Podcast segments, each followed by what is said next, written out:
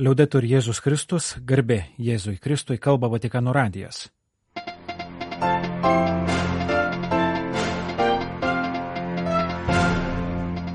Malonus klausytojai šioje programoje. Šimtas dienų iki Vokietijos katalikų sambario Erfurte.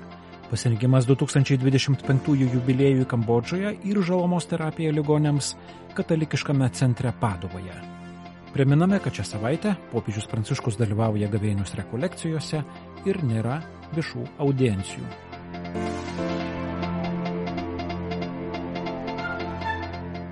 Vasario 19-ąją pažymiai Vokietijos katalikų žiniasklaida liko šimtas dienų iki katalikų dienų vieno iš didžiausio ir tradicinio katalikiško sambario, kurio tradicija tęsiasi nuo 1848 ir kurios įkvėpė daug iniciatyvų bažnyčioje Vokietijoje. Šiemet katalikų dienos vyks Turingijos žemės sostinėje Erfurte, jos prasidės gegužės 29 ir tęsis iki birželio antrosios. Katalikų dienų metu bus surenkta šimtai diskusijų, kuriuose dažnai pasisako svarbiausi krašto politikai bei įvairių sričių ekspertai. Erfurte laukiama apie 20 tūkstančių dalyvių iš visų Vokietijos regionų kaip pažymima įvairiuose pranešimuose, ateinančios katalikų dienos bus kaip niekada politinės, nes juose neišvengiamai atsispindėjus įtempta nacionalinė ir tarptautinė situacija. Kaip ir daug kitur, įvairiais klausimais visuomenė Vokietijoje polarizuojasi, nuomonės aštrėja, sklinda daug kuriamų sąmoningai melagingų naujienų, kai kur galva kelia antisemitizmas. Kaip tik ateinantį pavasarį ir rudenį įvairiose Vokietijos federacijos žemėse vyks savivaldos bei parlamentų rinkimai, įsiterpia ir Europos parlamento rinkimai, tad rinkiminės kovos jau pačiame įkarštyje. Erfurte rašoma Kelno arkiviskupijos Dom radijo apžvalgoje, taip pat dar kartą iškils skirtumai, kurie regimi buvusiuose rytų Vokietijos ir vakarų Vokietijos regionuose, nepaisant to, kad Berlyno siena žlugo jau prieš 30 metų. Neįmanoma nekalbėti apie didelę vidinę krizę, apie dešimčių tūkstančių žmonių nutolimą ir narystės bažnyčioje atsisakymą kiekvienais metais, lemta seksualinių išnaudojimų skandalų sunaikinusių pasitikėjimą, bet taip pat labai stipraus sekularizmo, dėl kurio tikėjimas mažai arba nieko nebereiškia nei asmenų gyvenime, nei visuomenėje. Mažėja tikinčių, kad Dievas yra ir kad jis buvo apreikštas per Kristų.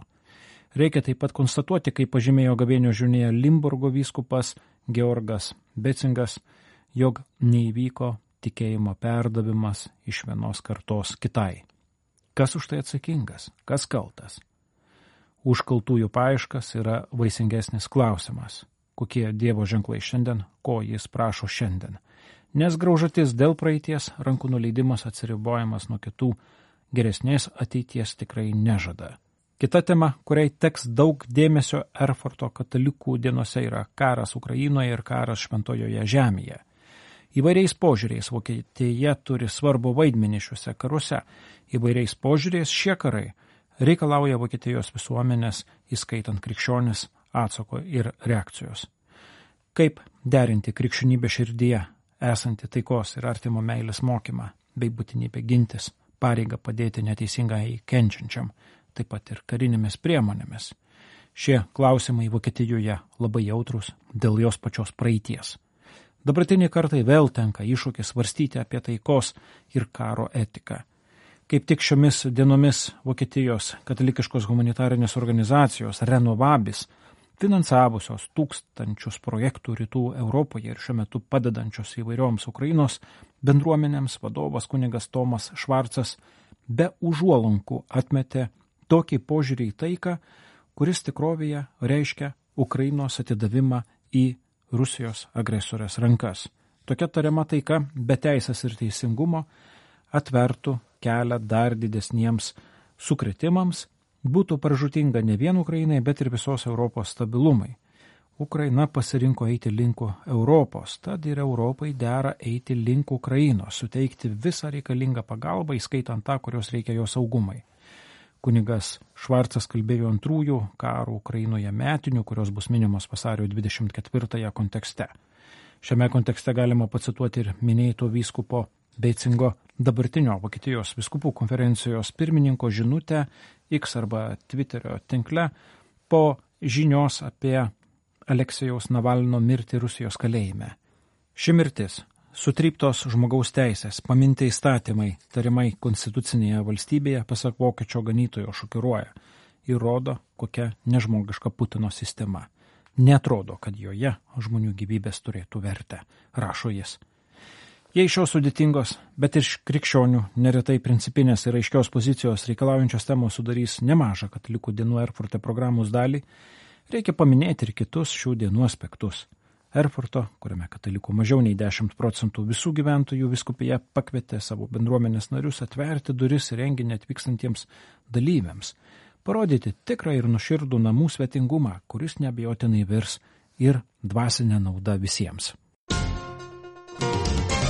Kambodžos katalikų bendruomenės vyriausias ganytojas vyskupas Olivieris Šmitoisleris, Pnompenio apaštališkasis vikaras, paragino savo bendruomenės tikinčiosius skirti laiko maldai pagal popiežiaus prašymą jau dabar ruoštis šventiesiems 2025 metams.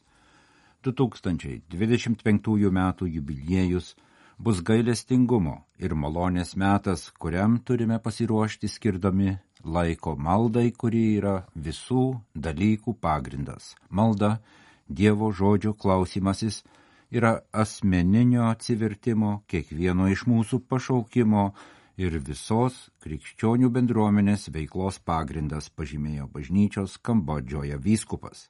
Paryžiaus misijų draugijos vienuolis misionierius vyskupas Šmithäusleris tarnauja bažnyčiai Kambodžoje jau daugiau kaip 25 metus. Po pirmojo misionieriškos veiklos dešimtmečio jis buvo paskirtas Pnompenio koadjutoriumi Prancūzų kilmės misionierius 2010 metais tapo Pnompenio apaštališkojų vikaru. Pasak ganytojo, pernelik dažnai įvyksta, kad per mūsų tarnystės kitiems įsipareigojimus, visokių uždavinių rengimą ir vykdymą užmirštame vieną svarbų dalyką, kad pirmasis ir pagrindinis maldos pagrindas yra tyla. Tyla mus moko, kaip pradėti melstis su Dievu. Vyskupas pakvietė visas Kambodžos tikinčiųjų bendruomenės kas mėnesį rinktis maldai už pašaukimus ir kas savaitę surenkti maldos susitikimus su Dievo žodžio meditacija pagal pamaldaus šventojo rašto skaitimo metodą, kuris žinomas lotyniškojų vardu lekcijo divina ir yra bažnyčios praktikuojamas nuo XII amžiaus. 2024 metai Kambodžos katalikams bus skirti maldai į Dievą Tėvą pagal Jėzaus, Marijos ir trijų išminčių pavyzdį. Pagal Jėzaus, kuris kiekvieną gyvenimo momentą šlovino tėvą maldą. Pagal Marijos širdį žvelgsime į švenčiausiąją mergelę Mariją, kad su Dievo meile jungtumėmės prie jos širdies. Melskimės taip kaip Jėzus. Visi jo darbai prasidėjo maldoje. Melskimės tyloje, taip kaip darė švenčiausiai mergelė Marija, kuri visus išganimo įvykius sergėjo savo širdyje, mąstydama apie Dievo meilės reikšmę. Melskimės šlovindami taip kaip trys išminčiai, kurie leidusi kelionėn ieškodami išganytojo, rado kūdikėlį Jėzų ir suradę jį pagarbino. Stengsimės, kad 2024 metai mums būtų proga atsiversti ir kad įtikėtume prieš 2000 metų Jėzaus paskelbtą gerąją naujieną Evangeliją. Vyskupas Olivieris Šmit-Hoisleris ypač paragino devinių naujų bažnytinių Pnompenio sričių jaunimą praleisti laiko su Jėzumi, kad atpažintų ir suprastų, į ką Dievas juos pašaukė gyvenime. Anot ganytojo, neseniai kalbėjusio susitikime su maždaug šimtų jaunuolių iš minėtųjų sričių, kad išbūtume su Kristumi kasdienėme gyvenime, reikia tikėti, kad Jėzus gyvena tavo širdyje, į aplinką žvelgti tikėjimo akimis, savo gyvenimą vertinti su dėkingumu, per dieną bendrauti su Dievu trumpomis maldomis, dalį laiko skirti meditacijai, kitą dalį maldai tiek rytą, tiek vakarą, žvilgsniu apriepti viso pasaulio poreikius, būti gailestingiems kitiems, ypač vargstantiems. Šitaip galėsime žinoti, kad mūsų gyvenimas suvienytas su jame dalyvaujančiu Dievu ir kad Jėzus kiekvieną dieną yra mūsų gyvenimo kelionės bendra keleivis, patikino Olivieris Šmitoizleris, Pnompenio vyskupas. Terapinių sodų projektas Teresės iš Kalkutos centre Paduvoje sertifikuotas ir apdovanotas besiliesdami prie ažuolų, laurų ar rozmarinų, demencija sergantis pacientai atgaivina prisiminimus, atmintį, pagerėja jų kalba, nuotaika ir svarbiausia vartoja mažiau vaistų. Monsignoras Roberto Ravacolo sako, gamta yra iščios galinčios priimti, kurti ir gydyti. Monokloniniai antikūnai, protingos molekulės galinčios išvalyti smegenis nuo susikaupusio beta amiloido, eksperimentiniai vaistai, bangos prisiminimams pažadinti, virtualiosios realybės palaikomi pažinimo mokymai. Tiesa ta, kad Alzheimerio lygos atveju, nepaisant nenuilstamų mokslinių tyrimų pastangų, vis dar nėra jokio vaisto, išskyrus tai, ką specialistai vadina lygos sulaikymu ir sulėtinimu. Kai demencija užpuola senelį, močiutę, tėvus, mylimą žmogų, Vienintelis dalykas, kurį norisi daryti, nelaikytis varginančios ligoninės tvarkos, bet sustabdyti laiką ir nustoti su lyga kovoti. Tai vyksta čia, Rubano mieste, Padujos provincijoje. Kalkutos motinos Teresės namų centro terapiniuose soduose, kur žaluma atnaujina ir gydo, o pacientų ir slaugytojų gyvenimas teka iš naujo atrastų normalybės ritmu. Rankas į vazonų suleidęs Giovannis rūpinasi sėklomis ir žino, kad jas pasodinės turi laistyti ir nepamiršti jų kasdien patikrinti taip, kaip elgėsi su broliu ar draugu, kurios veikatą stebi. Ana eina prie didelės vyšnios, staiga pakelia galvą, giliai įkvepia akį žyptelį. Tiesiai virš jos tarp šakų šuoliuoja voverė ir Anos veidą nušviečia šypsena. Piero braunasi pro žydinčius krūmus, pasiekia rozmariną, paima šakelę, uosto, priglaudžia veidą, atrodo laimingas, ramus. Įžengusi į terapinį sodą, Irina atgaivina visus prisiminimus apie savo namų sodą, apie jaunystę, ji nori pati juo rūpintis. Todėl centro darbuotojai jai suteikia atskirą erdvę, kurioje nėra kitų pacientų. Kvapai, spalvos, kontaktas su medžiais, gėlėmis, kvapniaisiais augalais - tai terapija, kuri pasirodė esanti veiksminga Alzheimerio lyga sergantiems pacientams. Terapija apdovanota inovacijų laboratorijos ir Sidnėjaus miesto inovacijų ir verslumo apdovanojimais. Projektą Padovoje, kuris po dviejų metų eksperimentavimo gavo Padojos universiteto sertifikatą, pradėjo Džioto socialinis kooperatyvas Šventojo Antonijaus bendruomenė, Padovos universiteto bendrosios psichologijos katedra ir miškininkystės sistemų katedra. Monsignoras Roberto Ravacolo, motinos Teresės centro direktorius pasakoja, kad prieš 24 metus viskupijoje atliktas poreikių tyrimas atskleidė, kad nėra centrų skirtų žmonėms su pažymnimo sutrikimais ir jų šeimoms. Taip 2000-aisiais buvo padėtas motinos Teresės namų kertinis akmuo. 2006 metais pradėta veikla. Šiuo metu dviejose gyvenamuosiuose centruose gyvena 34 žmonės, o dviejose dienos centruose lankosi 50 žmonių. Čia vyksta daugybė veiklų, lankytojus prižiūri gydytojai, psichologai ir patyrę darbuotojai.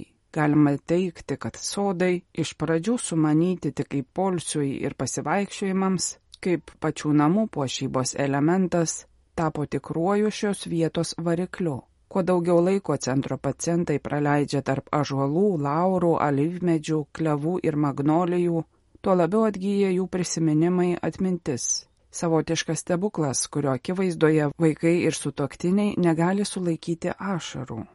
Bet tai dar ne viskas. Pacientai tampa savarankiškesni, mažiau nerimastingi, mažiau apatiški ir prislėgti, labiau linkę bendrauti, sugeba atnaujinti svarbes kognityvinės funkcijas, pavyzdžiui, kalbą ir mąstymą.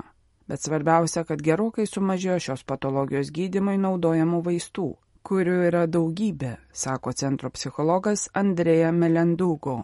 Atrodo, tarsi žaluma turėtų galę pataisyti pažeistus neuronus, sukurti naujus, visai kaip pavasario daigai. Centro plotas maždaug 22 hektarai, kur trys sodai sudaro nedidelę dalį, tačiau pacientai negali pasiklysti, nes takai yra žiediniai, visada grįžtantis į pradinį tašką.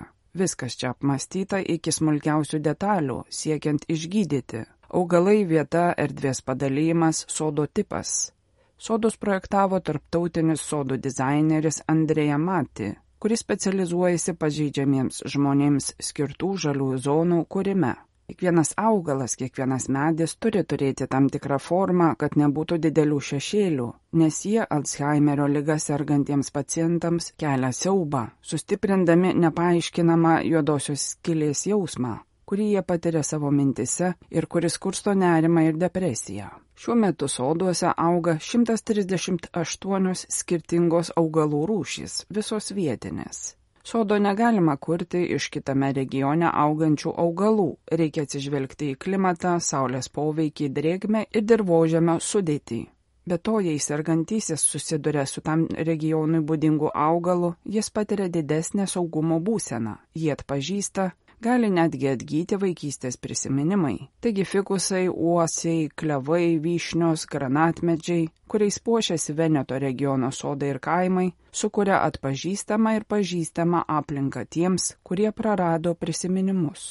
Taip pat čia augantis čiobereliai, šalavijai, laurai, rozmarinai yra svarbus pažintiniai priminimai, augalų pasirinkimas yra esminis atminčiai, todėl atliekamas labai kruopšiai, pasitelkus įvairius tyrimus. Parenkant augalus, dėmesys kreipiamas ir biologinės įvairovės, kuri dėl žmogaus destruktyvios veiklos nyksta, atkūrimui. Labai svarbus tvarumo aspektas. Monsenjoras Roberto Ravadzolo pasakoja, kad mastant apie šiuos sodus, kyla gamtos kaip iščių, primančių ir kuriančių gyvybę įvaizdis. Jis prisimena, ką popiežius Pranciškus sako enciklikoje Laudato Si Žmogus pats yra gamtos dalis. Kartais apie gamtą galvojame kaip apie kažką, kas žmogui yra svetima, kur žmogus yra žiūrovas. Tačiau nepamirškime, kad kiekvienas iš mūsų yra šios kūrybinės Dievo meilės, kuris suteikia gyvybę visiems daiktams dalis. Per gamtą galime pasirūpinti ligoniais, kurie pernelik dažnai būna pamiršti arba patikėti tik mylinčiai, bet varginančiai šeimos narių priežiūrai. Čia motinos Teresės centre matome, kaip sėkmingai įgyvendinama žmogaus ir aplinkos sąjunga, apie kurią kalba šventasis tėvas. Vyksta gyjimas, sako kunigas. Terapinis sodas iš tiesų yra savarankiška sveikatos priežiūros įstaiga. Tai naudinga ne tik svečiams, bet ir įstaigoje dirbančiam personalui ir jų šeimoms. Čia puoselėjama tvarių ir generuojančių pasirinkimų politika, kurios tikslas asmens gerovė, kad ir pacientai ir šeimos nariai jaustusi geriau. Šeimos liudija, kad mato savo artimuosius tokius ramius, kokie jie nebuvo ilgą laiką. Šis projektas nori būti pirmtakas, pavyzdys, kaip konkrečiai keisti gyvenimo kokybę slaugos įstaigose.